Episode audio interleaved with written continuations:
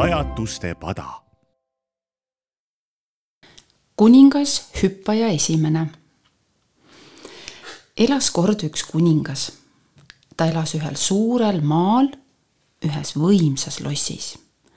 tal oli nii palju tööd, et tal ei jäänud kunagi aega puhkamiseks ega mängimiseks. sellepärast polnud tal ka ühtegi sõpra. hilja öösel kui kõik kuningriigi elanikud olid magama läinud, kõndis ka tema oma kuninglikku magamistuppa. aga tema pea oli muresid ja probleeme nii täis, et ta ei saanud magama jääda. ainus, mida kuningas veel teha võis, oli natuke oma voodis hüpata. nii roniski ta ühele elevandiluust voodi otsale ja hüppas pea ees kukerpalli otse siidistesse patjadesse. ikka uuesti ja uuesti. ühel ööl jälgis teda läbi kuldse lukuaugu üks uudishimulik minister. ta piilus ukse taga nii kaua, kuni kuningas täiesti ära väsis ja rahulikult magama jäi. järgmisel päeval teadis seda kogu maa kuningas hüppab öösel voodis. kuningas hüppab, kuningas hüppab, kuningas hüppab voodis. isegi kuningaloomad sosistasid seda üksteisele. murelikult kogunesid õukonna ministrid, aadlikud ja targad kokku.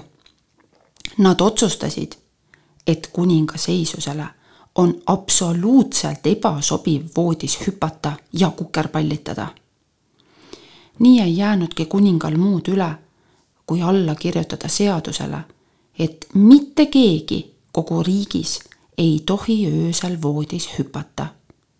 isegi mitte kuningas.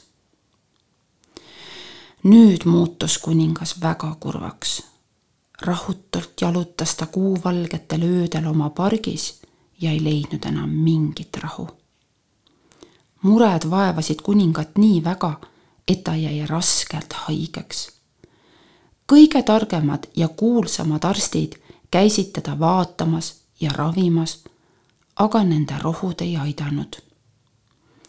kui surmatund oli lähenemas, esitas kuningas ühele oma ministritest viimase palve. palun, lubage mul veel kord voodis hüpata. ettevaatlikult tõsteti kuningas elevandiluust voodi otsale, sest ta ise oli nii nõrgaks jäänud. siis kuningas hüppas. kui ta läbi õhu lendas, naeratas ta natukene. kuningas naeratas, hüüdsid arstid ja kohe tohtis kuningas veel teinegi kord hüpata siis veel üks kord ja siis veel üks kord ja veel üks kord ja mida rohkem ta hüppas, seda rõõmsamana ja tugevamana ta ennast tundis. ta oli nii õnnelik, et äkki hakkasid ka arstid hüppama, seejärel ministrid ja lõpuks kogu õukond. siis hüppas terve linn ja lõpuks kogu rahvas tervel maal. kõik naersid ja nutsid rõõmust läbisegi ja hüüdsid elagu meie kuningas hüppaja esimene Helme Haine kirjutatud jutu Kuningas hüppaja esimene luges Põltsamaa raadios Tuuli Jukk suvel kaks tuhat kakskümmend kaks.